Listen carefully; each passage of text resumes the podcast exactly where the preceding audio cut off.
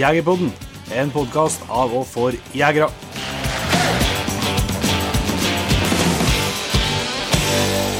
Hjertelig velkommen til en helt ny episode av Jegerpodden. Eh, Det er både jeg og du Jon Inge som fortsatt sitter her, men som ikke høres ut som oss. Nei, det, det er sjukdom ute og går i redaksjonen, rett og slett. Ja, Luftveissjukdom når du driver podkast, det er noe dritt. Ja, når, du når du lever og bruker stemmen. Yes, men uh, du har jo hosta i ukevis, og så du klarte å få til slutt å få med meg det i dragsuget. Altså. Ja, det Vi lever jo litt intimt eh, noen dager, spesielt når vi sitter i bil i lag, så eh, at du får de sjukdommene som jeg har, det tror jeg nesten bare du må på, påberegne. Ja. Så vi skal kanskje ikke uh, dryge denne førpraten for lenge i dag, så vi må slutte oss lenge stemmen heller. Men i hvert fall så er dagens episode en, det som kan kalles en tradisjon etter hvert. Nyårsprat med styreleder i Jeger og Fisk, Knut Arne Hjems. Ja. Som uh, vi var så heldige å få lov til å være med på jakt uh, litt tidligere, for en 14 dager tid her. Mm. og det kommer vi jo litt tilbake til både jakta og ikke minst hvordan jakthøsten til Knut Arne har vært. Men det er jo òg mye nytt, både det som ligger i året bak og det som ligger i året foran for, for organisasjonen for oss jegere. da, Som han leder. Så det tror jeg nå er en, uh, vel verdt å få med seg. Det, jeg, det kom, jeg fyra meg rett og slett opp delvis der jeg ble rett og slett forbanna på enkelte, et, spesielt ett tema. Jeg skal ikke uh, Skal ikke røpe for mye. Skal ikke røpe for mye, men eh, der fyrer jeg meg skikkelig opp, og det tror jeg flere som kan, eh, flere som kan gjøre. Ja, det Vi vet hvordan det blir når du blir engasjert i temaet da. Forbanna. Så det, eh, men eh, vi kan jo eh, kjapt egentlig oppsummere uh, den siste ukas jakt eh, med Jeg har fått vært litt ut og fått opplevd litt vær, men eh, lite resultat. ja, det er jo gaup og delvis jerv som har vært på Som eh, burde ha vært i sikte nå, men eh, det har vel endt opp med at vi har sett på yr og sett på været. Ja. Ja, gruppa, det er ikke egentlig så mye mer å si om at vi har ikke eh, Mens det var kvote på områdene vi har tilgang til å jakte på, så fant vi ikke en eneste spor. Nei. Og det var noe stor grad skyldes været, da, må Ja, si. både Hun het vel for Ingunn, hun som Ja, kom. hun hun starta hun Hun starta på, men eh, det, hun slutta, det tok sin tid før hun slutta oppi Ja, her. det var noen etterlønninger. så det er ikke så, dessverre så mye å melde om. Da. Det kan jo være en sjanse eh, for vår del igjen til neste uke. Da Mm. skal det jo åpne på et nytt område. Det er jo et område eh, som er i forvaltningsområdet. og Der eh, er både kvota lita, og det finnes bra med gaup på, så det bruker vanligvis å være Du bør ha ringen rimelig tett. Eh, Første februar morgenen. Ja. Ja. Så, så det blir noe spennende å se om vi rekker å være med på, på den kvota der, da. Men jerv var jo noe i hvert fall, ja, Vi har vært ute begge to, så vidt. jeg Hører ikke eh, all verden å, å melde. Det har vært litt eh, jervbilder de siste dagene her. Jeg Trodde jo egentlig at den, den første runden med Daim der der trodde jeg egentlig han gjorde en ganske bra jobb. Det er mulig han gjorde det, men, eh, men jeg er jaggu usikker. For at eh, lang historie kort, så så etter mange timer etter det jeg antok var jervsporet, og som til slutt eh, endte oppe i et område jeg vet at jerven kan krype ned, langt fra folk, så, så kom han tilbake. Og når han var snart tilbake til meg, så kom et nytt bilde til jerven på åte. Ja.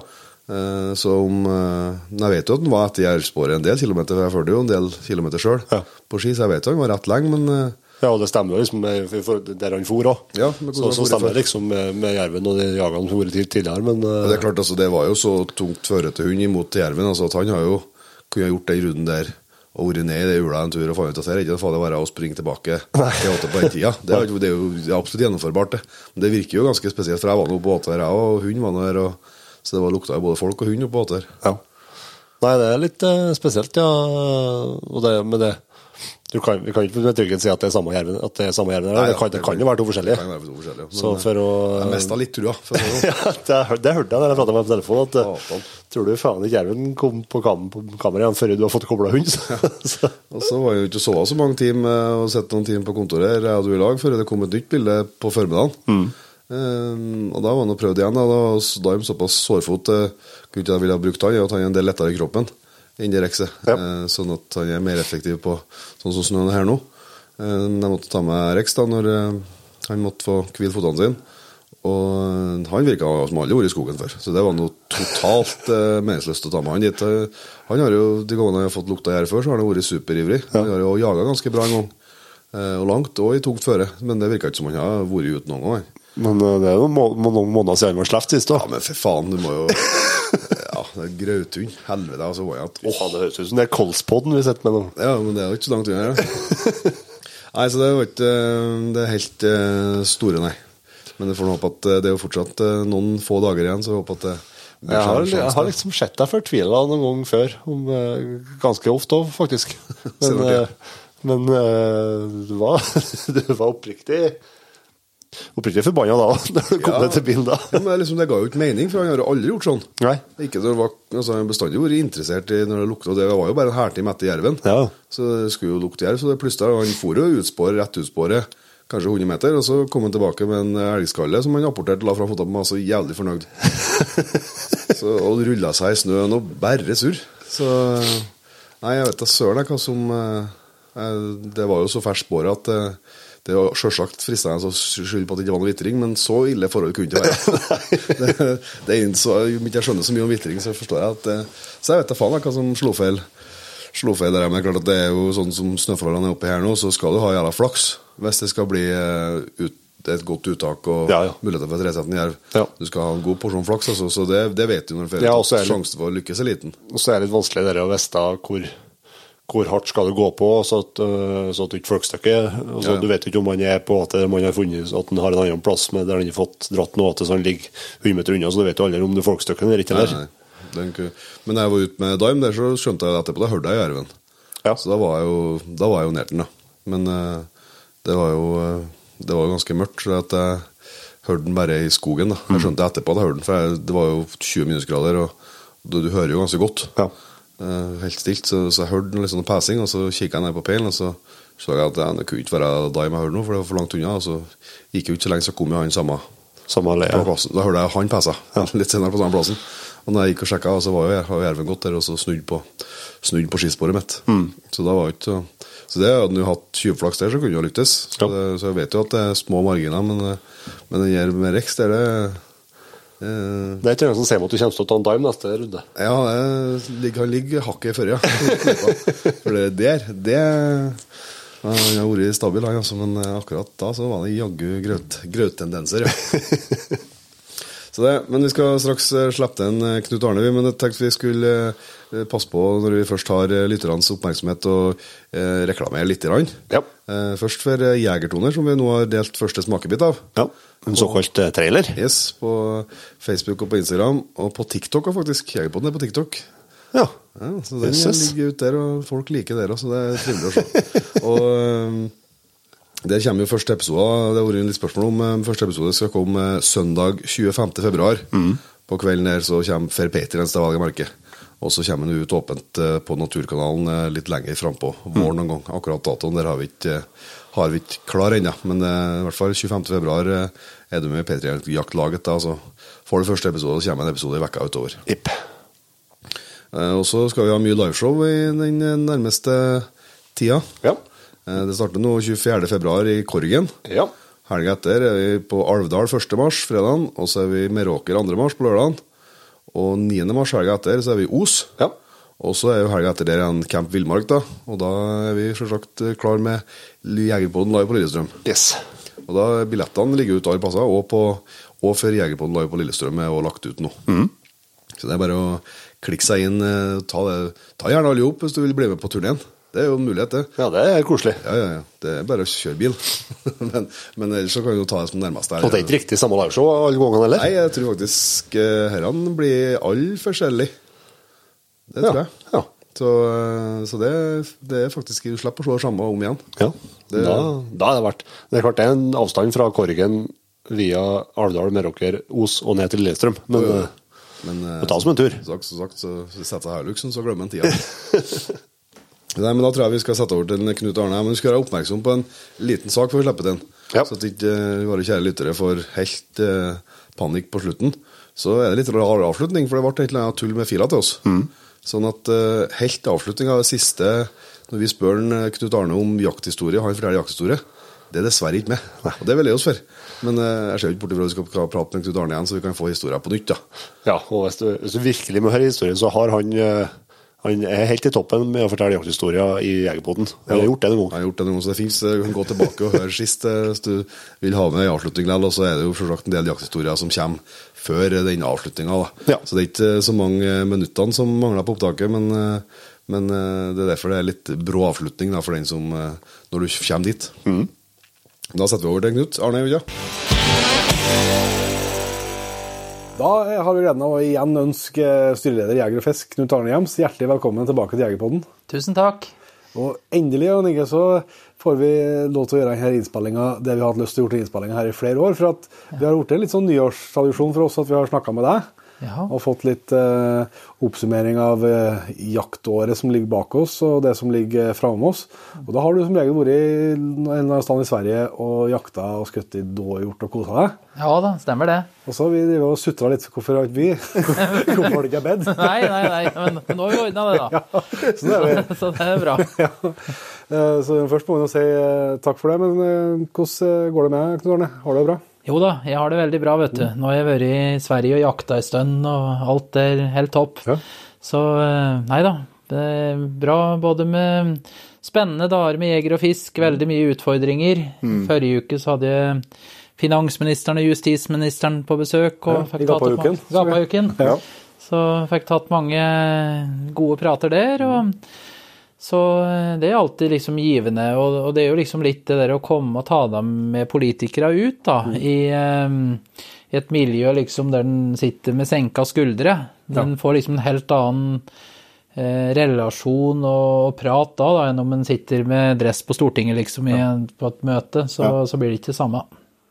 Ja, det vil jeg også. En ting er for din del, som er, du er jo på hjemmebane i den kappauken, men, eh, men for deres del òg. Å komme og sette seg Jeg regner med du, du fyrer opp svartkjelen og serverer bålkaffe og Ja, det vet du, da det, får de seg en eh, får de bålkaffe, og vi serverte dem elgburger, da, vet du, og, Ja, og, og villsvin, og, og liksom praten går mye lettere da, og da blir det mye mer uformelt, og en får liksom eh, Nei, så det er veldig bra. Og eh, vi har jo mange utfordringer, og da er det jo viktig å bringe dem til torgs. Mm. Så Kommer, kommer du noen vei med dem, da? ja da, jeg føler egentlig det, altså. Jeg mm, har jo drevet på i mange år nå, liksom, da, og, og det liksom Han skal jo alltid ønske at han kan få gjort alt på en gang. Klart. Så det er liksom, men det er jo ofte litt små steg, steg for steg, da.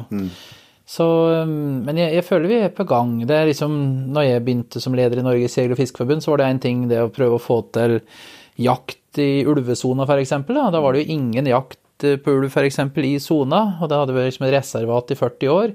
Så det var liksom å ta tak i det og prøve å komme i gang og få til en forvaltning, da. Og for man kanskje ikke- kommer så langt som en aller helst skulle ønske, så, så går det liksom, får en dratt tauet liksom i riktig retning, og det føler jeg at det, det gjør. Og samme våpensaker, vet du, så, så var det jo Dere har jo fortsatt utfordringer med veldig lange saksbehandlingstider og slik, men nå har vi liksom fått til en uh, digital søking, da.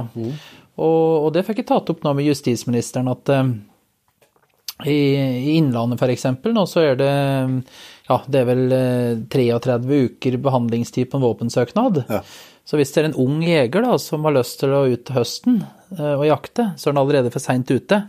For at han får ikke behandle våpensøknaden ennå. Og, og det er jo de unge det går utover. Og det er jo veldig uheldig, for vi som jakter allerede har jo som regel noen børser. Ja, ja for det er det som er rolig med at det, det går utover dem som ikke har våpen fra før. Ja. Og det er, jo, det er jo gjerne unge jegere. Det er det, vet du. Så, så Emilie skjønte jo veldig godt den problematikken, og dette handler jo noe om ressurser, da. Og nå ville da, vi hadde den praten, da sa det at da ville hun legge fram et forslag nå til Stortinget om å få automatisert den digitale søkningen. Så de som har alt i orden, kan du si, og som det er veldig enkelt, da, som liksom ja, har plettfri vandel og ikke har for mange børser og slik, hvis det liksom er tydelig, da skal det gå veldig raskt. Mens de som har noen utfordringer da, med å få behandle, da kan de heller behandle de manuelt, da. Det er jo viktig at det er ressursene brukes der òg. Det er det. Absolutt.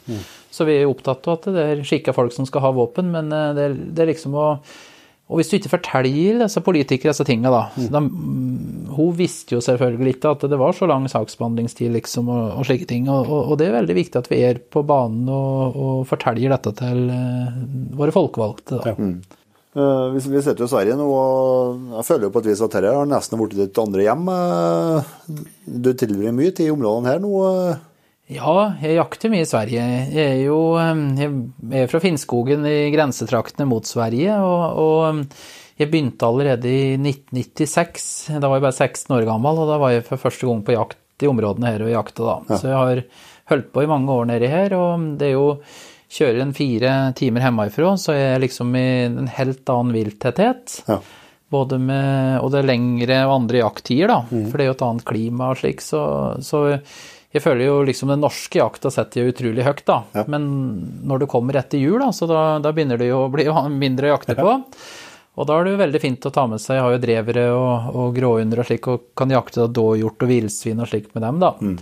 Så, eh, og da har jeg liksom etter hvert fått bra nettverk i området og gode jaktmuligheter. Så eh, det syns jeg er kjempeartig, da. Ja, for du nevnte jo dåhjorten eh, her vi er nå. Det er liksom det er kjerneområdet. Ja, nå sitter vi på Brevens bruk, da. Det er eh, noe av dåhjortens mekka, vil jeg si. Ja, her er det I Sverige så slapp de ut dåhjort eh, rundt noen store slott og, og gårder. Og det som er med dåhjorten, er at den sprer seg veldig sakte. De sier at det bare er en spredningsevne på 200 meter i året. Så hadde du liksom sluppet vanlig hjort, da, så hadde de kanskje reist milevis av gårde. Mens dåhjorten den liksom holder seg i området, da. Så holder seg på noen kilometer rundt da, disse store gårda, og, og dette har gått veldig sakte, da. Og ehm, så når du kommer ned på her, da, så, så skyter de jo kanskje i et kløvilt på hvert hundrede mål. Mens eh, hjemme så vi kanskje en 3000-4000 mål bak en elg, f.eks. eksempel, da. Åtte til oss. 8000 mål, ja. Så det, det er en Ja, i dag har vi jo vært ute og fått felt ni dyr, da. Og eh, i Norge så, så skal du som regel jakte noen dager for å på felle kanskje ei uke for å felle ni dyr, mens eh, kløvilt. Men eh, så, så her får du veldig mange jaktopplevelser på kort tid, da. Ja, altså det, det, det jeg syns er unikt med det, med det opplegget som vi er med deg på her nå, det er jo at det er jo ikke noe, her er jo ikke noe klassisk eh, drivjakt eller svensk drivjakt eller altså, du sammenligner med, med Øst-Europa. Her, her er jo hundejakt. Det er det. Det, vi er en god del poster som sitter ut, men det slippes kortbeinte hunder, og det Mye los. Ja, det blir mye los. mye det det. los og mye losdyr. Det gjør det, absolutt. Så det blir jo egentlig litt som å jakte rådyr på hjemmebane, kan du si. At du setter ut noen poster på noen gode overganger der du veit dyra bruker å gå, og så slipper du hunder, da. Så mm, Nei, det er, det er kjempeartig artig jaktform, og, og mm, nå er vi jo i, ute i januar, og liksom da er det jo Vi som har småhunder, da, så er det jo liksom kroken på døra hjemme. Da er det jo for mye snø og slik. Og jakttid er over, så da, da er det veldig fint vet å komme ned på hit og få brukt hundene litt mer, da. Du som har prøvd litt forskjellig både i Norge og Sverige og ut, utlandet ellers. Den her svenske drivjakta, er den ganske lik liksom drivjakta som man kjenner fra, fra Øst-Europa og sånn, eller er svensk drivjakt noe annet enn det? Altså, I Norge så er jo altså, det, Jeg tenker på drivjakt i Norge, det er jo typisk elgjakt eller hjortejakt for den altså med ei postrekke og ei driverekke som egentlig der begge parter jakter. Det er Ja. litt sånn litt riding og litt smyging.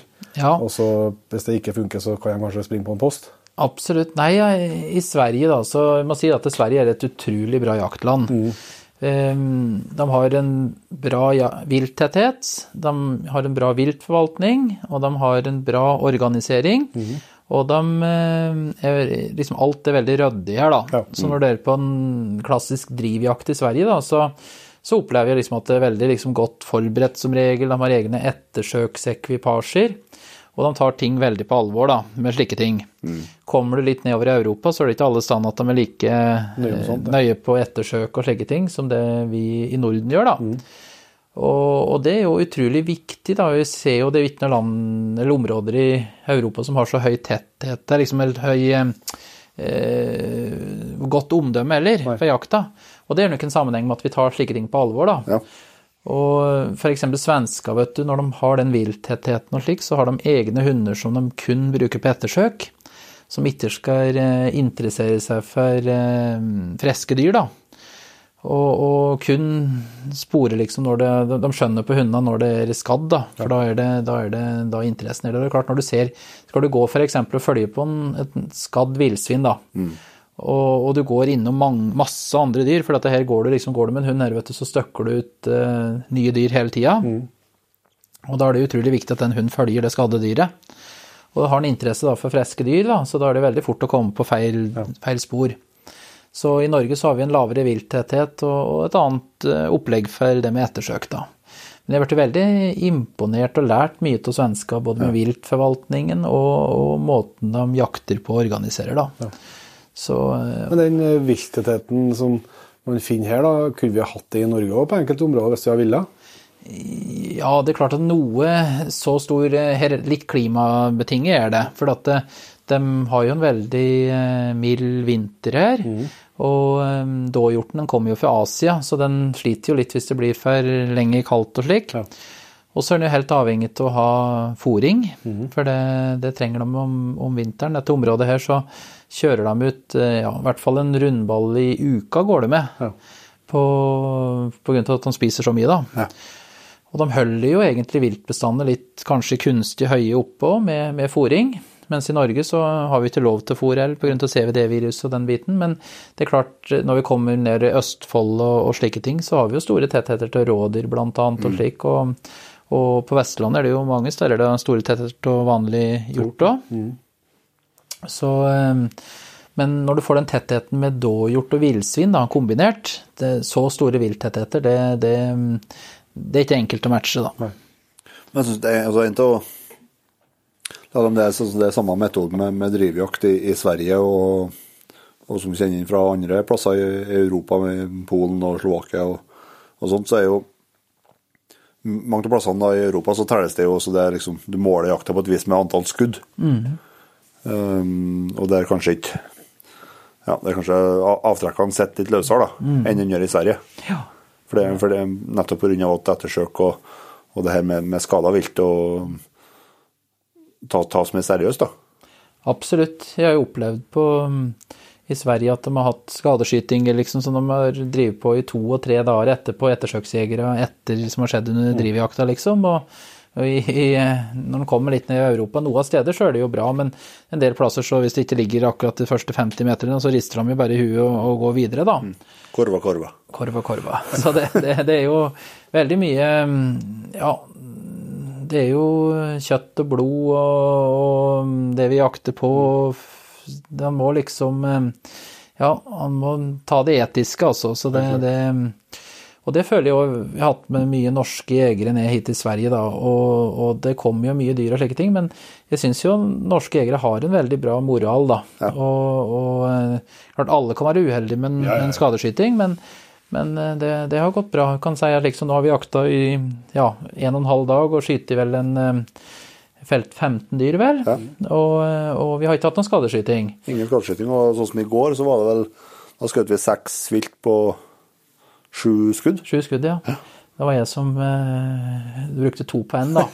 Så, Du fikk litt tyd for det. Ja, jeg gjorde det, vet du. Ja da. Nei da. Men det må en aldri heller For da nei, jeg felte i går, da, så hadde jeg en fin jaktdag sjøl. Var jo heldig og fikk jo en fin los, da, og så sto jeg på uttaket, da. Ja. Uttaket det er en god plass både på herrejakt og, og annen jakt. Og, så jeg gikk og stelte meg på uttaket i begge loser, da, og, og da kom det først en, en, ei smalhind som jeg fikk eh, felt. da, Den, eh, den datt jo en gang, da, men jeg var litt eh, grann, Det var ikke så lange hullet, da. Men det var litt tett der, da, så jeg var litt redd at det var borte noen kvist, og så datt den rett ned. Og når et dyr liksom detter rett ned, da har jeg lært meg til at det er litt skummelt tegn, da. For da kan den sprette opp igjen. Ja. Og da skøyt de raskt en til i huet, da. Ja. Og, og det å ta livet som dør momentant, det er jo viktig og bra, det. Mm.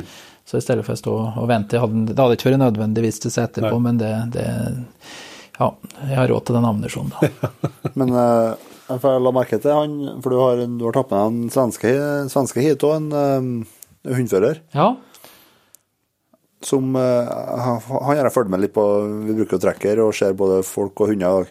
Han har jeg fulgt med litt i dag. Han har en helt utrolig evne til å stå på rett plass til rett tid. ja det har han, eh, i dag har han hatt klaff. Ja. Så, For spesielt på, på siste revet i dag, så satt jeg med ham, for at da Han slapp en hund, og så slapp du en hund. ja, Og så havna de i lag.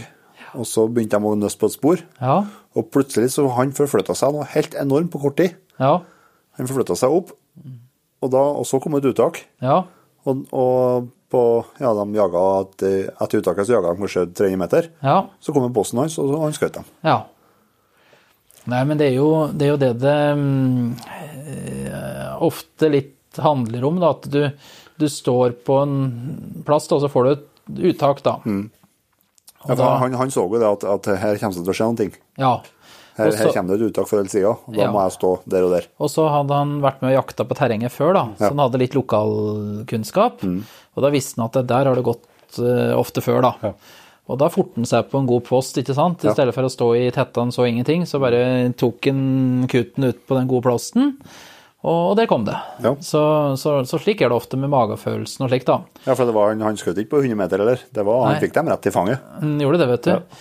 Og, og slik er det ofte for egen del. òg, når jeg, når jeg jakter liksom med hund, så det ofte jeg gjør, det er at jeg Om det er på elgjakt, eller om det er på rådyr eller dåhjort og slik, så, så går jeg til en plass der jeg veit at her er det en god post, og der slipper jeg hund.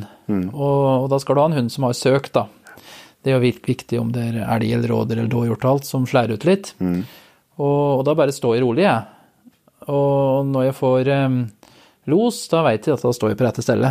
Og da støkker ikke du dyr eller noen ting. Nei. Så nesten alltid jeg drev, så bare går jeg på den plassen jeg har, eller den plassen jeg har tenkt jeg skal gå, og det bare slipper vi hund, og der står jeg. Mm. for det har òg sett at det, det er noen poster på, på dekkekartene dine som er liksom øremerka hundførere. Ja, det er det. Det står HF-postene. HF-postene, ja. For der er det Jeg gjør ofte, veldig ofte det notatet for egen del ja. alle steder jeg jakter, at jeg har, har noe av slike HF-er, da. Ja, ja. Og da, det blir ofte at du flytter deg litt i terreng og går og beveger deg og slike ting, og da, da er du, da er de stella, da. For for jeg følte i dag at jeg hadde et lite kappløp med en tidligere gjest i Jegerpoden i dag, en Tore Rønsensbøg. Vi hadde et litt slags kappløp i dag, om Ja. å komme til posten først. Ja, akkurat. Ja.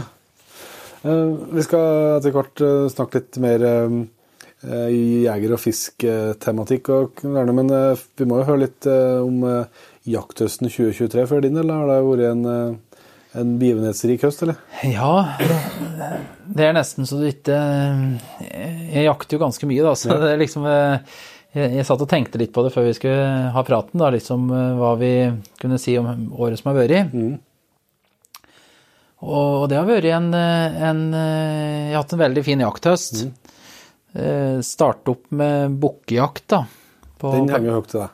det er hjemme hos meg, da. Den er hellig. Og da har jeg en onkelgutt som heter Halvor, da. Han er eh, 14 år, da. Han er fryktelig ivrig, da. Han, eh, han sover nesten ikke om natta før eh, jakta. Og, og i bukkejakta i år, da, så er jeg ganske ivrig sjøl, da, men da, da sto han inne på, på soverommet mitt da, klokka slik kvart over tre. da, Vi skulle opp halv fire, da, så da, da sto, han, på soverommet og lurte på om ikke vi snart skulle ut. da. Så det, det er bra. Og vi var ute sammen da, og det å ha med seg noen ut, som en unggutt eller jente ut, og, og liksom dele opplevelsene med dem, liksom. Det å tusle ute i skogen en, en fin morgen, liksom, og hele bygda sover. Og det er bare du og skogen, liksom, som, som er der, da. Og, og det er en utrolig frihetsfølelse, syns jeg. Og så når du liksom da lykkes, da, og, og får felt et dyr, liksom, og, og det å ha med seg da en ung gutt eller jente liksom, som er med deg ut og, og har noen å dele det øyeblikket sammen med, da. Det, det er blitt liksom viktigere og viktigere for meg. Jeg føler liksom Jeg har jaktet enormt mye og, og skyter mye dyr, så liksom det å ha med seg disse yngre ut, og om de får skyte eller får ta dem med så de lærer liksom å, å oppleve det, det, det syns jeg gir meg mye, da. Ja. Så da var vi ute en del og fikk noen bukker, så, så det var en fin start liksom på sesongen. Så reiste jeg til Folldalen, som eh, jeg hadde vært heldig i år da, med reinstrekningen, hadde fått en storbukk. Og reiste til Knutsø, da. Ja. Og det er jo litt sagnomsuste områder, og mm, jeg jakta der og felt en del reiner før, da. Så jeg veit jo liksom området der de bukken bor. Og da, da bruker vi telt og går inn da i området der vi skal være. Og det syns jeg er fint. Da går jeg liksom inn en, ja, noe av timer ifra vei, da. Og da har du som regel morgensjakta og kveldsjakta for deg sjøl. For da blir det, det blir for langt å gå, kan du si, for de som bare kjører inn, da. Ja, og da dagstur, bare dag, dagstur, ja. Ja, så, så det syns jeg er veldig flott, da. Så vi var inne der med telt og, og um, hadde en utrolig fin jaktopplevelse. Selvsagt så så vi det sto en bukkeflokk i Tynset, da. Og eh, vi kom oss inn så langt inn i terrenget som det var mulig, da, så lengst mulig unna. Og der kom jo selvfølgelig denne bukken, da. Og, og jeg fikk jo skyte den på Tynset-grensa, da. Så da ble det jo langt å gå, da. Men det var heldigvis på formiddagen. Så eh, hver gang du har båret ut en reinsbukk da, til fjellet, så tenker jeg, jeg tenkte at dette er det siste gangen. Men så, så går det 14 dager, da, så har du glemt det. da. Så, så det er en ja, det er noe spesielt med en reinsjakt. Det er eh, fint i fjellet om høsten og, og liksom litt urnorsk etter det. Og, Ja, så er det unikt, unikt for Norge. ja, det er det. Det er ingen, annen, ingen andre land i Europa som har, har den reinsjakta som vi har, nei. Så Nei, altså reinsjakta var jo flott. Og så var vi på Dro jeg til eh, Var det jo september. Da eh, hadde jeg mm, med meg ei folkehøyskole på Bjerkeli i eh, Solør, som har dratt i gang ei jakt- og fiskelinje. Og eh, tok med dem da på hjortejakt på Vestlandet. Da var vi i Fjaler kommune, som er Norges mest hjortetette kommune. Der har vi en kamerat, da. Så da brukte vi båt ut, rodde vi ut eh, langs fine fjorder, vet du, med stupbratte fjell, og, og jakte hjort, da. Og vi fikk felt en del hjorter, og det var eh, Gutta fikk være med og dra og, og prøvde seg skikkelig. Så vi hadde en, ja, ble noen hjorter, da. Så det var jo naturopplevelsen med den hjortejakta er kanskje det, det er fantastisk fint på Vestlandet. Og, og du blir veldig imponert over hjortetettheten vi har i disse eh, kommunene der, altså. Det er mye hjort. Ja, også de områdene han lever i.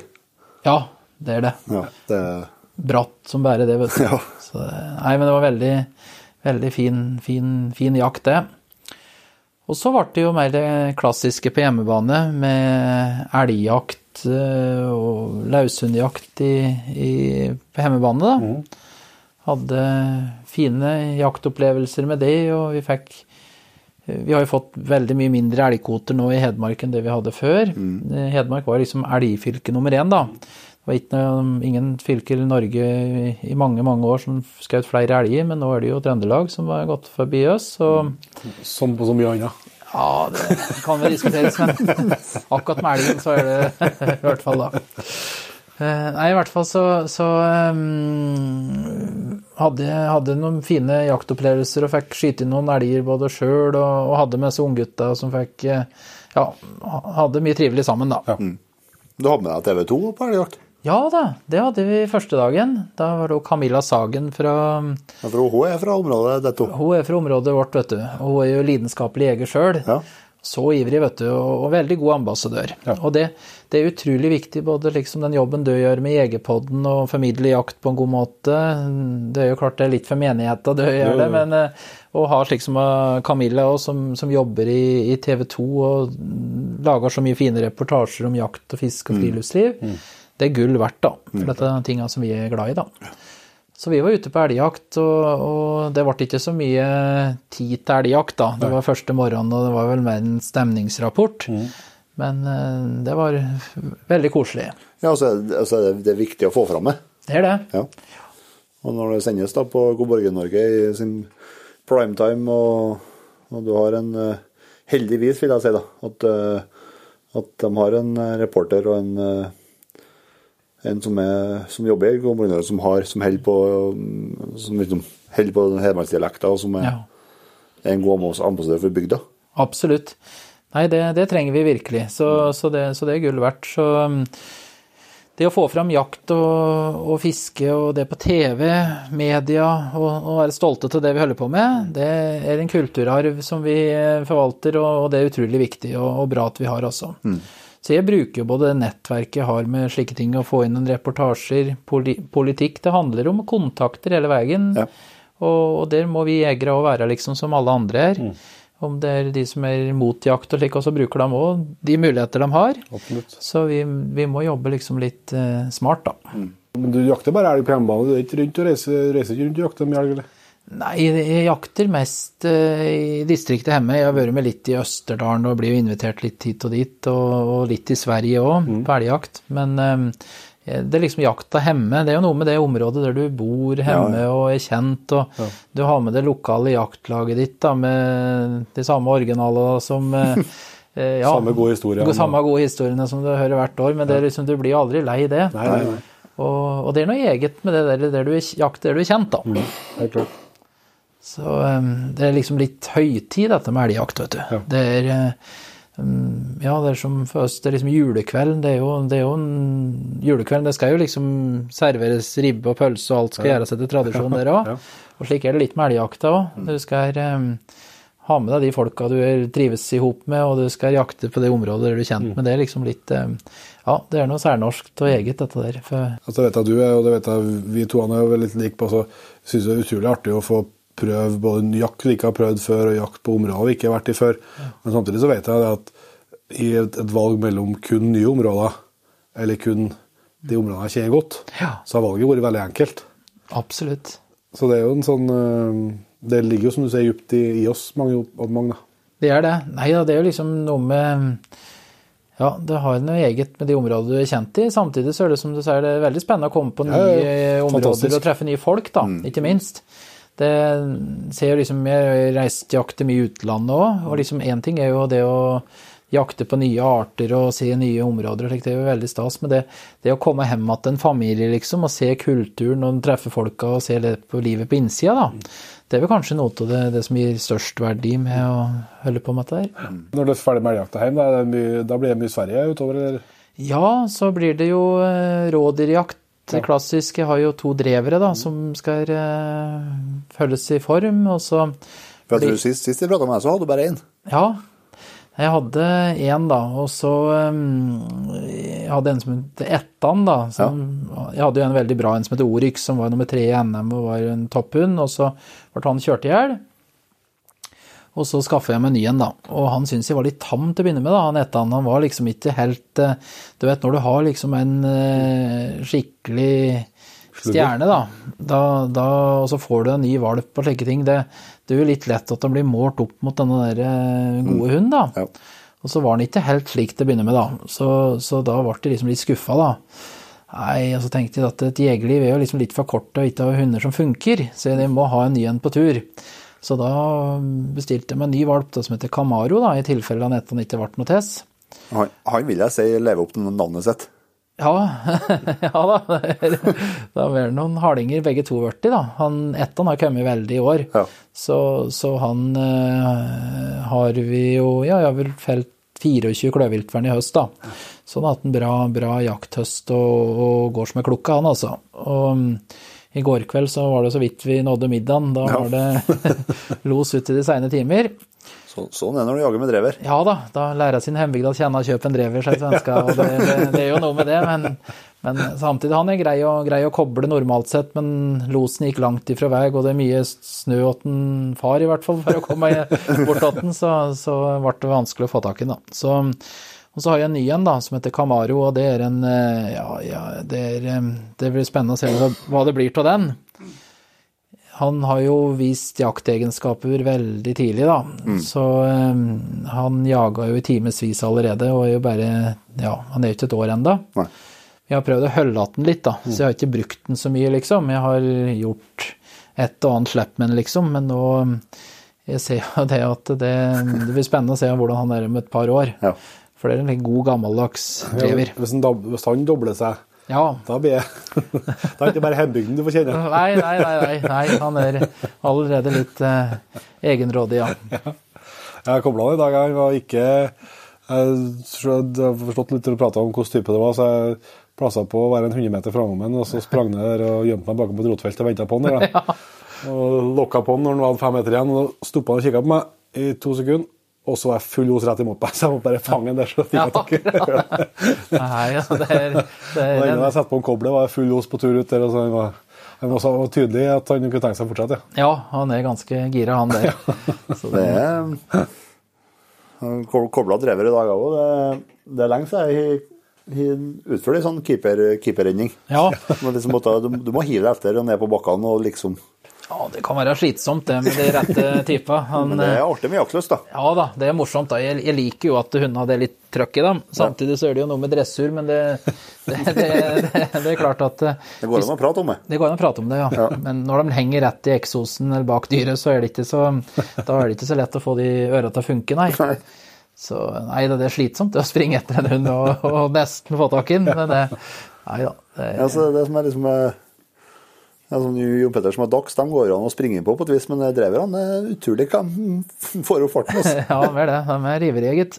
Hva har liksom vært eh, høydepunktet på svenskjakta? Jeg så jo en uh, bilde av en veldig fin skovl, skovlhjort, eller dåhjort. Ja. Ja, jeg hadde jo litt tur her, da. Jeg, mm, det å skyte store dyr, det er jo alltid moro å få en fin en. For det er, liksom, det er jo liksom selve opplevelsen og jakta det som er det store, men, eh, men det er klart det er artig å få en stor bukk, da. Og det, det, er jo vanskelig å, å felle en virkelig stor dåhjort. Jeg har skutt en del hundre dåhjorter, mm. men um, jeg har ennå ikke fått noen gullbukk, da. Nei. Og nå i vinter, da, så da, da var jeg nede her og jakta, og da var det ekstremt kaldt. da. Så da var det en dag som vi skulle jakte med hund, men det var 20 kuldegrader. Og da er det for kaldt å slippe hund, da. Så da ble det at du skulle smygjakte litt. Så jeg gikk og smaug, da. Og, og, da fikk jeg se denne bukken. Da var det slik eh, fin soldag, vet du, klart og 20 kaldegrader, og så gikk der og smyger i og så slik furuskog, vet du, og sola skinner, ja. og det ser du liksom den blanke hønda til denne dåhjortbukken bare glir av gårde. Ja. Og jeg så at det var det noen ordentlige padleårer av noe hønn, da, som var veldig fin, da. Og denne hadde jo selvfølgelig lyst til å prøve meg på, da. Og, og kom innpå og fikk um, tak på den, da. Ja. Og, og, og skøyt den, da. Og det gikk bra og alt i orden, og, og det er nå kanskje en sølvbukk, da. Ja. Så, så den, den, var, den, var, fin, da. Og fin opplevelse og, og helt topp. Så det var, var, en artig jakt. Men vi fikk en litt trist avslutning. Hadde med en god jaktkamerat, Roar Lundby, og, og jakta villsvin. Og um, siste dagen så ble hun hans drept av villsvin, da. Ja.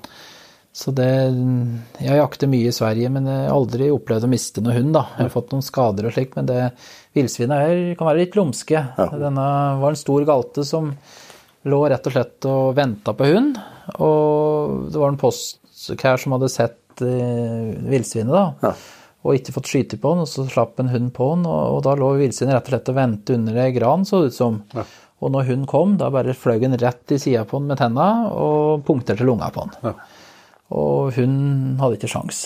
Så, det var en rutinert eh, villsvinhund òg, som hadde, ja, ja. hadde felt mye villsvin før? Felt mange titalls villsvin for den hunden, da, så han var jo vant til og alt slik og aldri skada seg før. Men han var vel litt, begynte, jo, begynte å bli litt oppi åra, så det er klart at han er kanskje litt tregere. Mm. Men i januar måned, da er villsvinet ofte litt, eh, litt, mer aggressive og slike ting. For da er de litt, det er litt tøffere om vinteren og slik, og da, da, blir de ofte litt surre, da. Ja.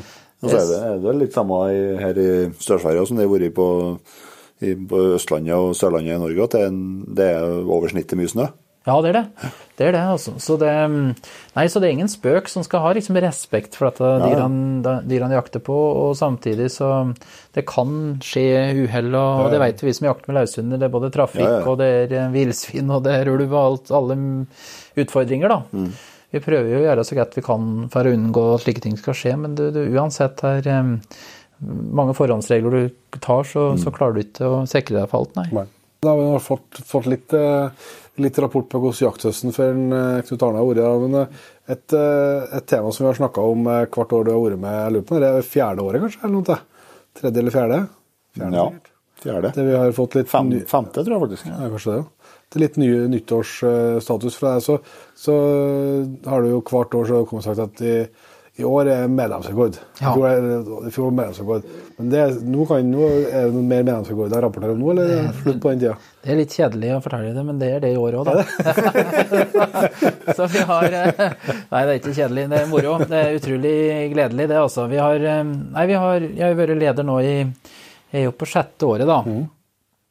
Og det er jo ikke bare det er ikke jeg som leder det, men det er jo, vi har jo vært veldig heldige og, og fått vekst hvert år. Da. Vi har gått fra 109 000 til nå har vi over 124 000 medlemmer.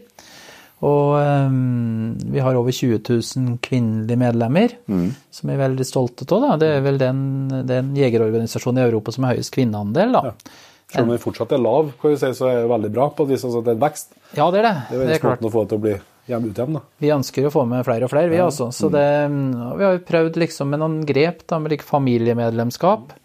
Det å få med familien inn, liksom, det, det er litt viktig at vi mm, tar med oss dem ut. Mm. Og um, forsøker det med introjakter, da. Mm. Det føler jeg at vi har, vært i, vi har gjort bra, lokalforeningene. Det, det, ja, det, det må jo sies, det er blitt en veletablert ordning. Ja, det er det. Det er jo mellom 500 og 600 introjakter. Og, og lokalforeningene de byr jo liksom på det beste de har. De tar jo eh, med seg eh, De vil jo gjerne vise ja. de unge jegere det fineste jakta de har, og, og tar dem med ut på det og gir dem gode opplevelser. Og det var jo noe til utfordringen at det var veldig mange som tok jegerprøven, men det var få som tok steget og ble jegere. Og det tror jeg vi har gjort noe riktig de senere åra. At vi eh, For det er færre og færre som får dette liksom naturlig med seg hjemmefra, som vi har kanskje vært heldige og gjort noen til oss. Men eh, det, og da må vi liksom være der til stede og, og være med utdrakt hånd og, og ta med oss eh, folka ut, da. Ja.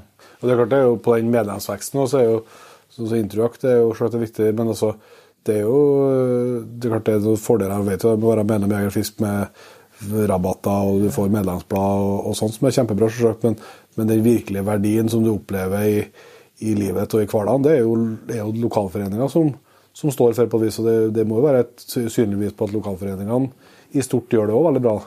Ja, det er det. det. Det er jo dem som er hele hjertet i, i Norges Jeger- og Fiskerforbund. Aktiviteten skjer lokalt. Og jeg hadde blant annet for noen år siden så var det en som ringte til meg og sa han det at nei, han skulle ikke være medlem i Jeger og Fisk lenger, for han følte han ikke hadde noe tilbud eh, lokalt, så var det ikke noe god nok aktivitet der. Og da slo det meg litt at det, det er jo der hele Det er jo det som gir verdi for en, at det skjer noen gode aktiviteter slik lokalt. Så da har vi forsøkt da, å få alle regionlagene til å reise ut og besøke lokalforeningene. Og være liksom og støtte og, og bidra slik best mulig måte, så at de funker bra. Og så har vi gjort noen grep da nå i år som på kort sikt eh, vil nok medlemstallet gå ned til neste år. Ja. Men på lang sikt så mener jeg det er riktig. Vi har eh, Tidligere da så var det jo over 200 lukkede foreninger i Norges Jeger- og Fiskerforbund. Okay. Hva vil Det det lukket forening si? Nei, det, det kan jo si det at eh, du måtte søke om opptak for å få bli medlem, da. At du måtte bo f.eks. I, i, på plassen, da, og at du liksom ja, tilfredsstilte de og de krava. Ja. Men nå er det blitt åpne foreninger. Ja, sånn, ja. Så nå kan alle bli medlem som ønsker det, da. Ja. Men selvfølgelig så kan du jo eh, ta visse eh, hensyn med jaktkortsalg til innbyggsboen og slike ting, men, men nå er det i hvert fall åpent å bli medlem i en jeger- og fiskeforening. Og det har vi gjort med alle foreninger, da. Og så er det noe av få som har valgt å melde seg ut av den grunn nå, i, akkurat nå ved årsskiftet. Fordi at de ønsker fortsatt å være lukket, da. F.eks. de har et fiskevann eller en, eh, noe som de mener at ikke andre skal kunne få ta del i, da. Ja. Så jeg mener jo at det, det er litt riktig, da, at vi viser at vi er åpne og inkluderende. Absolutt. For det, skal vi få med oss folk, så må en by på seg sjøl litt. Ja, altså, så ja, så Hvis jeg skjønner det du sier rett, så tenker jeg at ja, for det, men det må jo være at eh, i, det er jo en del områder så er det jo forholdsvis kort avstand mellom både foreninger, altså geografisk, da, mm. små kommuner og, og sånne ting. og Da kan det jo være et, et ekstra insentiv for å være ei attraktiv lokalforening. Ja. For at du kan jo trekke til deg folk som vil ha dobbelt medlemskap, eller vil være medlem i, i, flere, i flere lokalforeninger. Absolutt, absolutt. Så Nei, jeg, jeg tror jo det er et eh, Når en er leder i en like stor organisasjon, så må du på et vis se organisasjonen litt utafra, da. Hva er det du er tjent med i det store bildet her? Og jeg tror liksom viktigste oppgave vi jobber med, det er forståelsen og samfunnsaksept for å holde på med jakt og fiske, da. For hvis har vi ikke, er ikke stortingspolitikere positive til at vi holder på med jakt, da får vi ikke drive med det lenger. Og det må vi jobbe med barn og unge, da. Så det å komme ut i barnehager og skoler og slike ting Jeg maser om dette der utrettelig, da. Men, men det, det er så utrolig viktig. Når jeg prater med ledere, disse andre jegerorganisasjoner i Europa, så sier de at jeg forteller at vi, i Norge så har vi med oss barnehager ut på elgjakt og forskjellig, vet du. Og de, de ser på meg med store øyne, liksom. Er det mulig? Det er ikke I England, eksempel, de får ikke lov til å komme inn på en skole eller en barnehage utenkelig og få prate om jakt, eller vise det. Ja. Og da må vi bruke liksom den situasjonen vi har nå i Norge, at jakta står så sterkt. 80% av alle nordmenn er eh, positive til jakt, da. Og, og bruke det og fortelle og, og gi kunnskap, da. For det er mangelen på kunnskap som jeg føler ofte er den største trusselen for jakta. Ja, ja. Men den, også denne omdømmebiten der, altså hvordan, øh, hvor godt akseptert jegere er i landet, det er også, der er vi òg helt, helt i toppen i Europa. Ja, vi er det. Norge og Sverige som har den største samfunnsaksepten, da. Og der har vi jobbet mye med mat de, de senere åra, og viltmat og fisk, da. Og det er liksom Noen som klager kanskje på hvorfor har disse, alle disse oppskriftene og slik på sidene og slike ting, blir lei matoppskrifter. Men jeg tror det er ganske enkelt. da. Eter du viltkjøtt og eter du fisk, så er det vanskelig å være mot jakt og fiske. Ja. Og, og det er jo liksom Skape forståelse er jo liksom det å, å bruke det til mat, da. Det, det er viktig for oss, da. Ja. En endring da, Knut Arne, som eh, mange jegere har, har kjent på eh, det siste året, her, det er jo det her med blyforbudet som kom tilbake igjen da, for eh, de som har vært med en stund, i hvert fall. Ja, Eh, eh, det er jo ikke, Jeg skylder ikke på deg for det. altså. Du skal slippe det. Skal Takk- takk- takk for det. Du skal slippe, du skal slippe å få det. Men, men hva, hva har liksom vært snakkisene? og det, For det er en av de tingene som har vært uklart for min del. Det er jo, det er jo hvordan man har tenkt å håndheve det. Altså hvor strengt det er tenkt å være. og sånn, og det i hvert fall det jeg har sett rapportert i kallet ja, jakt og fiske og tilsvarende, det, det syns jeg har vært en en fornuftig eh, tilnærming fra myndighetene, der de, de som har blitt stoppa, har en fått en, en advarsel og sagt at eh, husk at det skal være sånn og sånn. og Man har liksom ikke uh, ville hengt ut noen for å gjøre dem til eksempel ennå, i hvert fall. da. Eh, men hva, hva er deres opplevelse av eh, det første, første året nå med, med blyforbud? Ja, nei, dette blir jo en omstilling, da.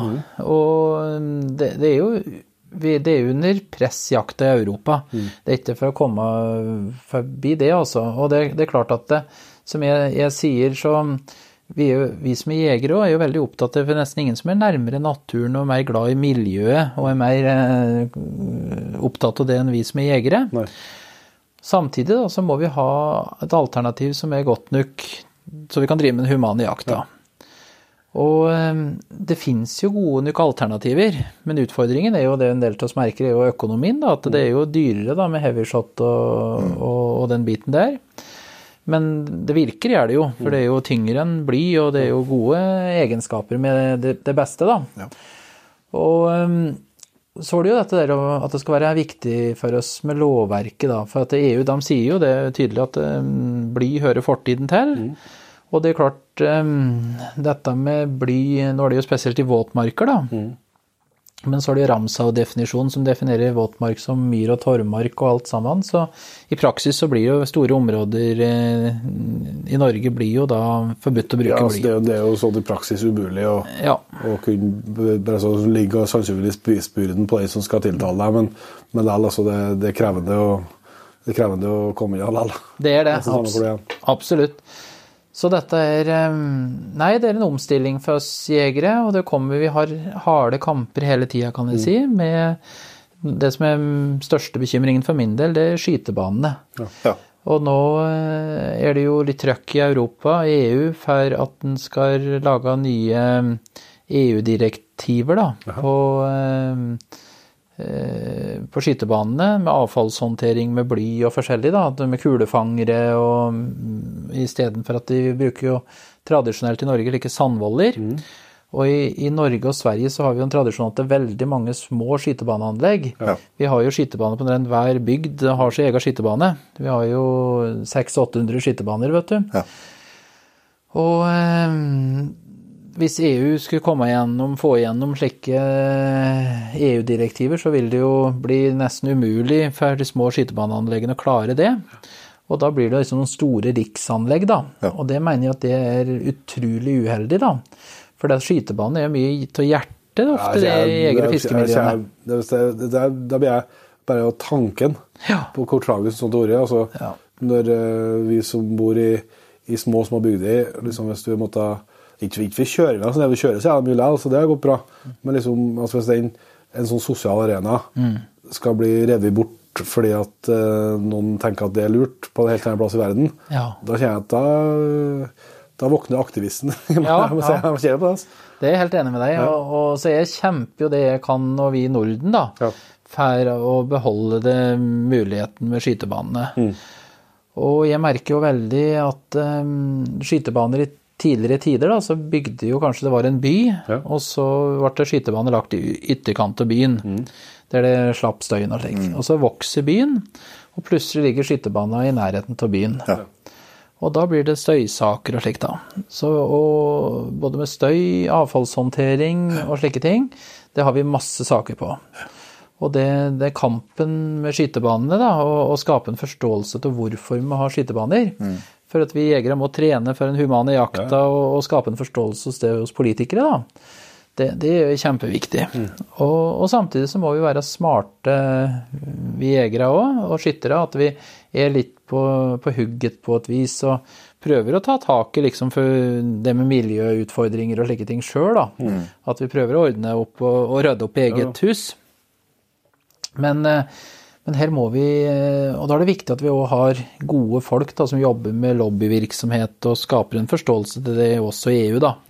For Norge har forpliktet seg i veldig stor grad til å følge EU i slike sammenhenger. Ja.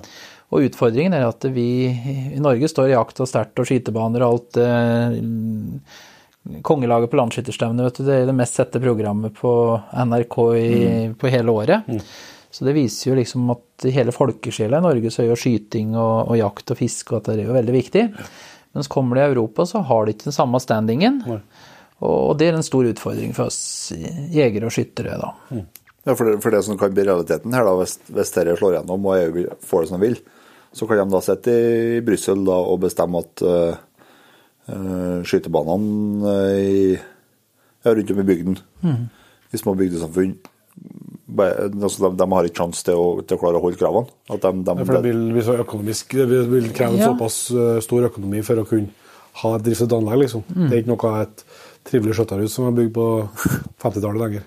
Nei, det er jo liksom dette med mm, han Vidar Nilsen, da, som jobber med mye med saker for oss i Norges og Fiskerforbund. Han sa at liksom, hvis du skulle imøtekomme de kravene som EU ser på nå, da, i alle skytebaner i Norge, så vil det være et milliardbeløp å bygge om alle banene til den standarden. Så da kan vi ende opp med at vi har altså, under ti skytebaner.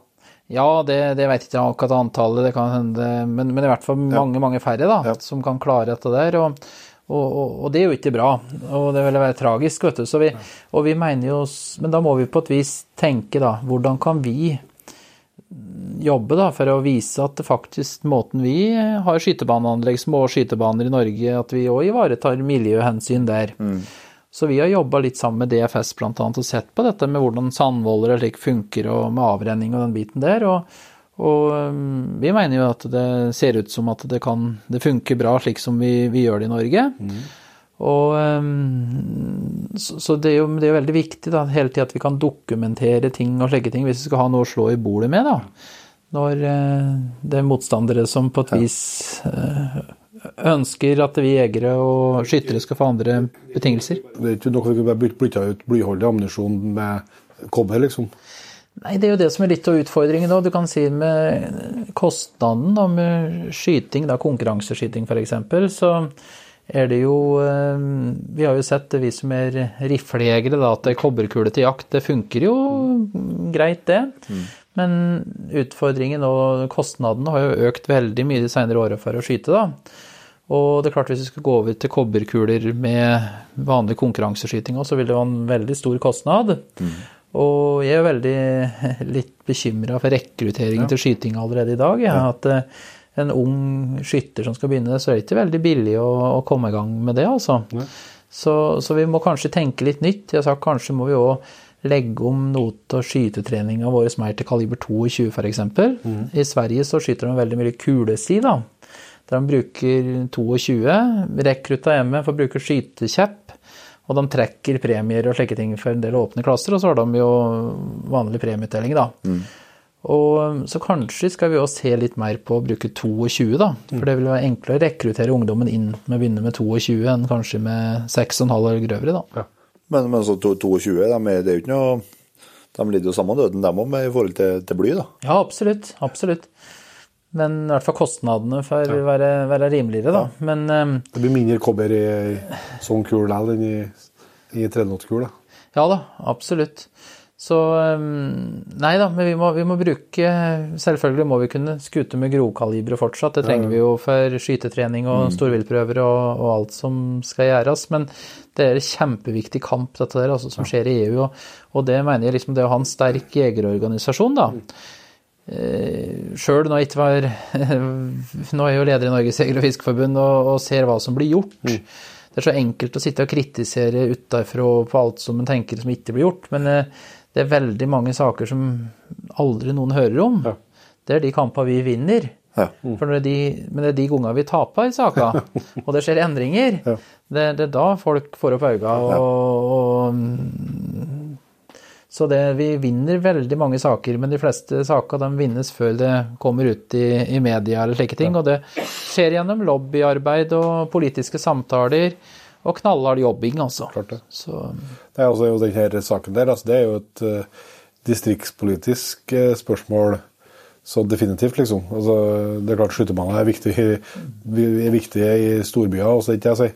Men, eh, men jeg tror de har jo en, en sosial funksjon du ikke skal underslå rundt omkring, da. Som er tragisk hvis det liksom skulle bli tatt bort. Helt enig. Så nei, skytebanen er- det er hjertet i mange bygdesamfunn, det, Ja, det er og jeger- og fiskeforeninger. Så, så det må vi kjempe alt vi kan for å beholde. Ja. Eh, jeg ble litt, jeg ble litt forbanna nå, så jeg skal, må, komme, så skal ikke det var ikke meninga, det. Men hvis vi, et annet tema vi har eh, stadig masa på deg om, Knut Arne, det er jo ikke eh, for at du, du må gjøre jobben alene, men det er enda for at vi kjenner noe, det er også lett å spørre. Viltloven er jo et sånn tilbakevendende tema, i, og som for meg liksom eh, virker som et litt sånn evighetsprosjekt. da. Ja, det har dessverre blitt slik, da. Det har jo um, Det ble jo flyttet over jakta til Landbruks- og matdepartementet. Og um, så skulle viltloven revideres, den begynner jo å bli gammel. Og så har det tatt veldig lang tid, da. Ja, Når var det vi starta på med revideringa? Ja, det, det tror jeg nesten ikke tør å si. Ja. Det har gått mange år, i hvert fall. Ja, det har gjort det. Så um, det, det er gått år etter år, og de sier jo det at det skal skje noe, skal skje noe men det, der har de vært trege, altså. Og um, det er jo viktig at vi får belyst disse temaene nå, da. Mm. Og jeg tror at det er ting på trappene, da. Så, og da blir det jo en gyllen mulighet til å få gjort en del ting med jakttider og forskjellig, da. Og sammen med ja, romjulsfredning er et eh, tema som har vært oppe nå. Eh, Vi hadde jo vi hadde en møte her med mm, nye landbruks- og matministeren, da, han Geir Pollestad. Og en av de første tingene han sa til meg, da, det var at uh, en ting han hadde lyst til å gjøre noe med, det var romjulsfredninga. Hvilket det er hele- parti er han? Uh... Nei, han er Senterpartiet, da. Men det er han, ja. Ja, Senterpartiet gjøres kart om dagen, så det må få få- få ta med den. Ja, det, måtte, måtte bare få med Du den. måtte få med den, ja. ja, ja. Nei da. Så, så han, han, han sa det, og, og mm, Norge er er det eneste landet i Europa som har romjulsfredning. Så eh, og vi i Norges Seil- og Fiskeforbund har jo sagt at vi syns at det er greit at det er fredning i julaften og første og andre juledag, men disse vanlige arbeidsdager, når folk kan arbeide slik, at eh, jegere som har tid, at de da kan få bruke de dagene til å jakte, det mener vi at eh, er riktig, da. Og når ungene har fri fra skolen og Ja. kan være med ut. Kan være med ut, vet du. Så det er en fin rekrutteringsmulighet å høre en god herrelos i jula, vet du. Og ja, ja. fyre bål og grille pølser. ja. løs på drevet, da. Og vet du, der har jeg hørt noen sånne rykter eh, via, via at man kanskje tror at det kan eh, se ut til å røre litt på seg. Ja, vi har jobba, jobba, jobba med denne saken der òg. Vi tar jo opp disse temaene for jegere eh, utrettelig. Sist i forrige uke så fortalte jo finansministeren og justisministeren som jeg hadde hjemme hos meg da om dette der. og og det er jo litt vanskelig å forstå det, og det, det er jo ikke noen gode argumenter, da. For eksempel eh, i Norge i dag, da, så har du lov til å bruke da altså en løs på drevet halsende hund på skadefelling på ulv. Ja. Du, du, har, du har lov til å bruke, men du får, du får Dispensasjon til å bruke, da. Ja. For disp til det. Men du kan ikke bruke det under lisensjakt. Nei. Mens på gauper er det motsatt. Ja. Der kan du bruke altså på en løs på drevet halsende hund På på, kvotejakta. på eh, vanlig jakta, ja. Lisensjakta eller kvotejakta. Men på skadefelling har du ikke lov til å bruke det. Nei. Og, Når, og du, det når du virkelig har bruk for det. ja, så det Og at det forskjellen på at det er en hund som loser hele tida i forhold til den som er tyst etter, da. Og at dyra skal bli noe mer stressa av en hund som forteller hele tida hvor den er hen i forhold til byttet, eller dyret, da, det, det tror ikke jeg noe på, da. Så jeg prøver å forklare disse politikere dette der, og så er det jo ikke noe rød tråd i lovverket. Nei. Og jeg kan jo forklare meg hvorfor er det sånn. Ja. Og det er jo ingen som klarer å gi meg noe greit svar på det. For det er ikke det. Nei, det og, jo ikke. Så det, og der har vi en mulighet nå med viltloven. Så, så jeg er Jeg har litt trua på at vi kan få til det, men, eh, men jeg tar ikke si noe ennå. Nei, det skjønner jeg. En, eh, Et annet tema som jeg ser har vært opp eh, i forbindelse med viltloven, er det med, som, som også er bare sånn som er sånn, bare fiks det. Men det er jo det her med altså, motorisert ferdsel da, for jegere som har noe form for bevegelseshemming eller sitter i rullestol og sånt. Ja. Som, måtte, som kommer under at, ikke, eh, at jeg ikke kan være så slapp at jeg, at jeg må gå på post. Det, det, måtte, det forstår jeg.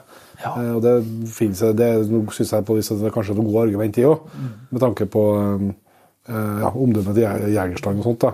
Men, eh, men at, som, at jakta må jo være for alle. og for absolutt alle. Ja.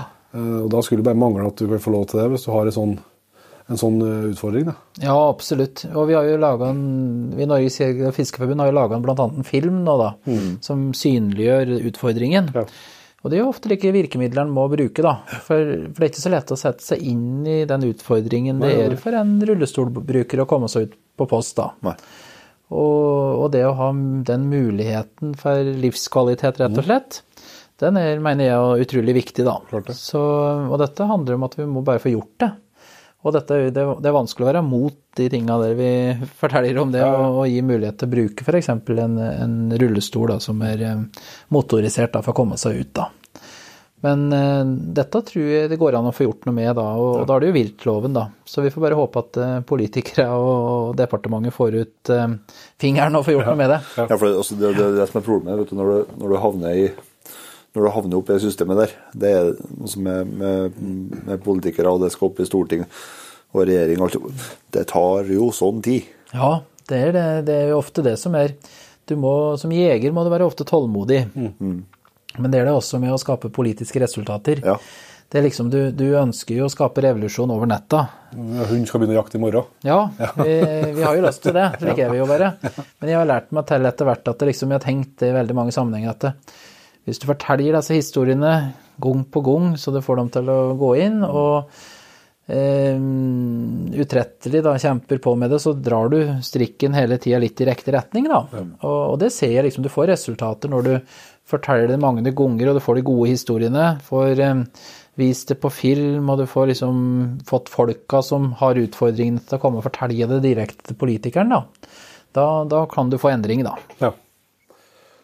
Et uh, tema jeg skulle uh, ta opp med deg, det derre som uh, vi så i høst, så ble det jo over store deler av landet rypejakta stoppa, og rypa freda, altså dårlig produksjon og sånn. Og det eh, kan helt sikkert være riktig mange plasser, det er ikke jeg sier. Men samtidig så syns jeg at eh, det er veldig sånn skummel tilnærming eh, til det der, for at det som vi, så, eh, det kan være sikkert sånn ellers i landet, det er jo at det som skjer, er at Statskog stenger.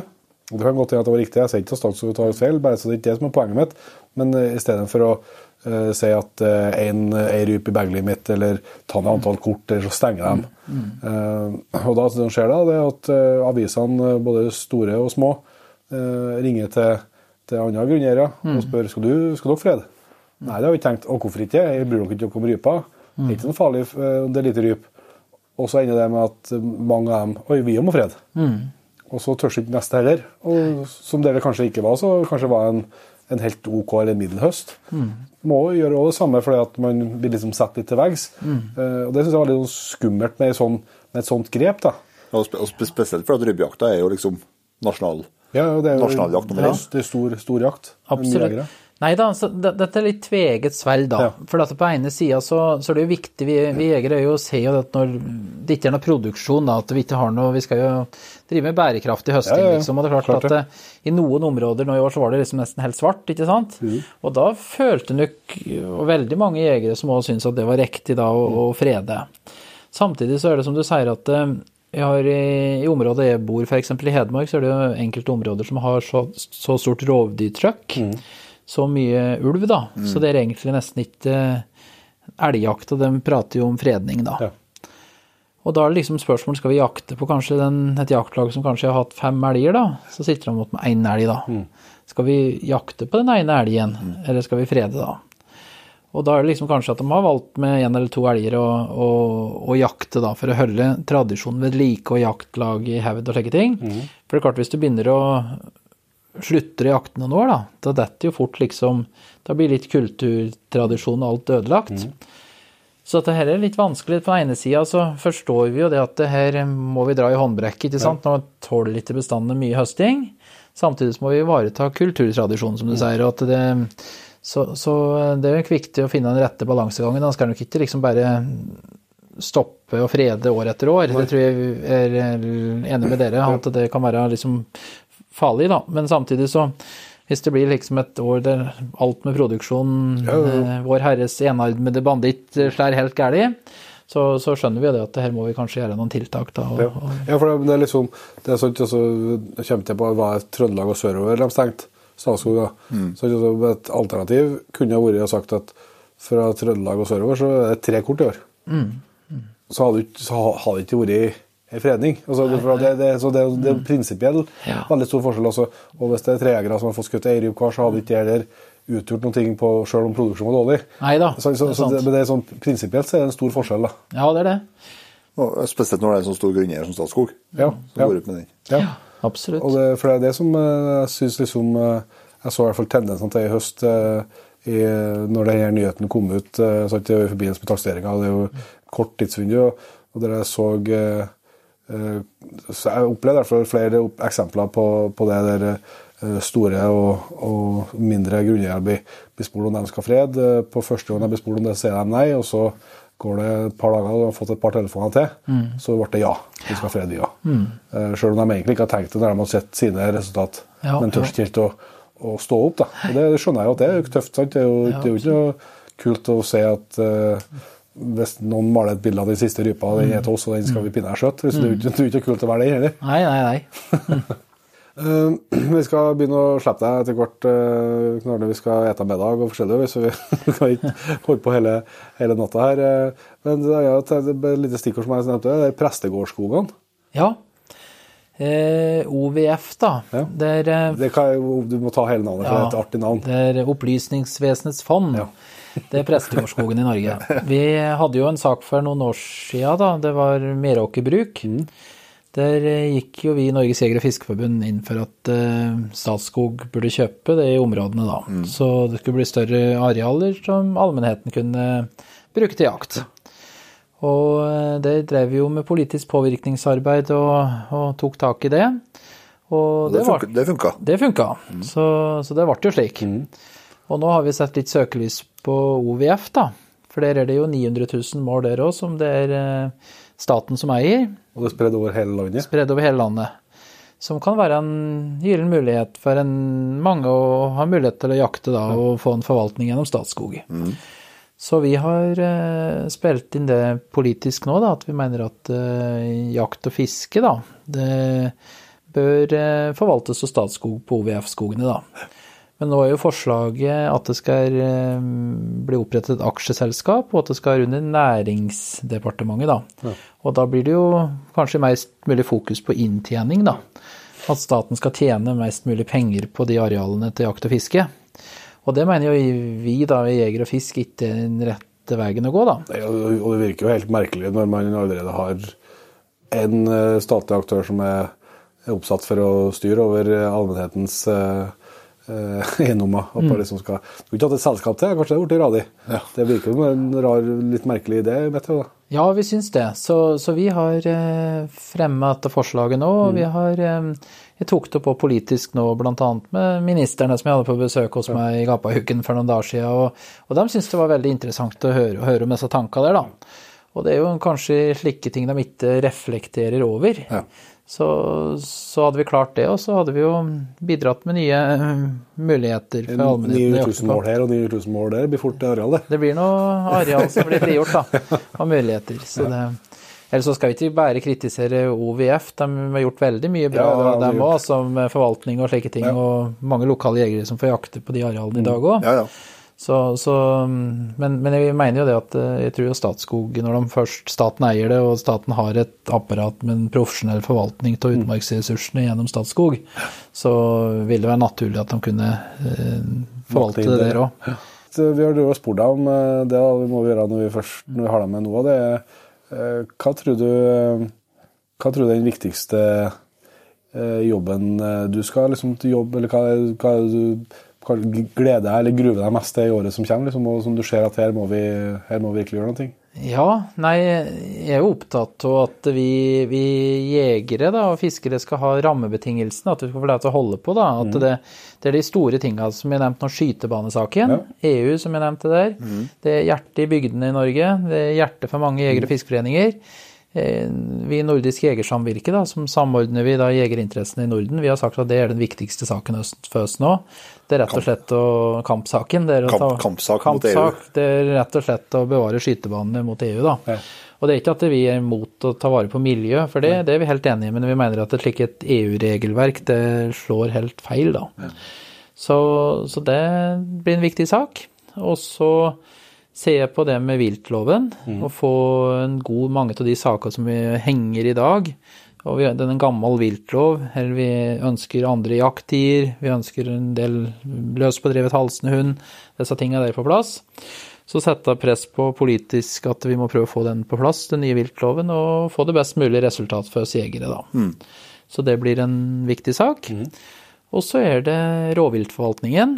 Den må en aldri slippe taket på, for at det er utrolig viktig. Skal vi jegere få holde på med jakta og som slik vi liker det, så må det være mulighet til å jakte, og bestandene av ulv f.eks. må holdes på et rimelig nivå, så vi kan holde på med løshundjakt. Og nå har eh, jerv og gaupe og bjørn kommet liksom litt i skyggen da, til ulven, for den har tatt veldig mye fokus. Ja. Nå fikk vi en bra høyesterettsdom når det gjaldt ulven akkurat, som har gjort eh, endelig har vi fått en forvaltning. Dette har vi kjempet for i veldig mange år. Ja, det, det ser vi jo på at det, det nå over, over flere år har vært jakt i, Ja. i ulvesona. Det har det. Og nå ble det ikke noe stopp juridisk heller, for at vi vant den høyesterettssaken. Så, så det har vi kommet et langt steg i riktig retning, da. Men eksempel jerv, så er bestanden tre ganger over bestandsmålet innenfor ulvesona, men det jaktes ikke jerv. Nei. Og det er jo av at skadepotensialet, sier politikerne etter naturmangfoldsloven, da, ikke oppfylt. Men eh, det er klart at jeg mener jo at når jerven når bestanden er over tre ganger større enn det som er bestandsmålet, så utgjør det jo den jerven en skadepotensial utafor sona. Og vi må komme i gang med en forvaltning av den, da. Ja, og skal jo, skal jo bestands, bestandsmålene ha troverdighet, så må de jo fungere begge veiene. Både hvis du ligger under og hvis du ligger over. Så, så disse tinga der er um, skytebaner, viltlov, rovviltforvaltning. Det er ting som jeg um, holder trøkk i, da. Du har, du har litt å henge fingrene i 2024, da. Ja da, jeg, og det er viktig. For hvis du ikke har ambisjoner og ikke har noen tanker om nye ting, satsingsområder, da stopper utviklingen. Så jeg kjenner liksom at jeg bobler til engasjement fortsatt. Det er veldig bra, det. Det var også Knut Arne Hjems, det, Inge. Det var det. Igjen. Igjen, vet du, men eh, han leverer gang på gang, han. Han leverer gang på gang, og det er jo Både, både i podkast og ikke minst i, i eh, sin rolle som styreleder, da. Ja, jeg har noe inntrykk av det, altså. Jeg må si at eh, Og så er det jo Kan jo sikkert noen lure på hvorfor jeg skal snakke med han år for år, men, men det er jo litt Det er litt tilfelle at det starta opp prosjekt, men, eh, men det er jo som du sier, han har jo en, eh, et virke som styreleder som gjør at eh, det er ting som endrer seg. Eh, Han er en, han er rett, han er en viktig ressursperson for, eh, for oss jegere i, i Norge. Ja, og så er det bra Jeg syns det er veldig trygt og greit å liksom få en sånn oppdatering på hva, hvor ligger vi an. Sånn som det skytterbanegreiene. Det tror jeg har så vidt lest eller hørt en eller annen sted i en eller annen sammenheng tidligere, men, eh, men liksom når jeg forsto hva det potensielt kan bety, Ja, og så, ja. blir jeg jo hakket mer varm. Konsekvensene av det. Ja, så da blir det jo hakket mer varm, og, og det får jo sånn oppdatering fra, fra styrelederen. Det syns jeg er veldig nyttig. Det håper jeg du som har vært med oss helt hit, og holder med oss i. da. Men vi skal gå inn for landing for alvor, og, og begynne å tenke på helg, er det heter. Men uh, før det så skal vi også takke nyankomne inn i jaktlaget. Ja. Så vi sier tusen hjertelig takk til Anders Valstad, Frida Grunnstrøm, Halvor Peder, Lasse Kristoffer Land, Ole, Ola Sundset, Torgeir Graneng, Tor Sigurd, Kim André Johansen, Håvard eh, Ferangen, Alexander Øverby, Marius eh, Kjelmeland. Even Haga. Joakim eh, Harton. Arne Olav Husby.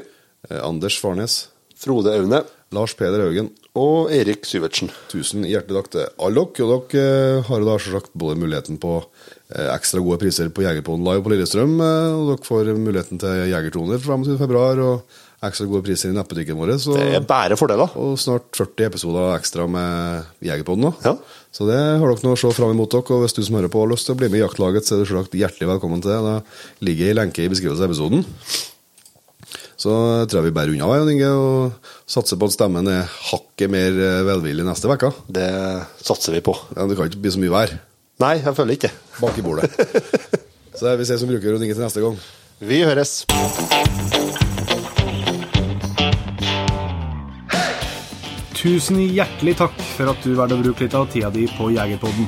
Sjekk ut jegerpodden.no eller eh, din favoritt-podkastspiller for enda mer innhold og flere episoder. Følg også Jegerpodden på Facebook og Instagram, og ikke minst, husk å fortelle alle gode venner, familie og tilfeldige forbipasserende om Jegerpodden, sånn at vi får spredd det glade budskap videre. Vi høres.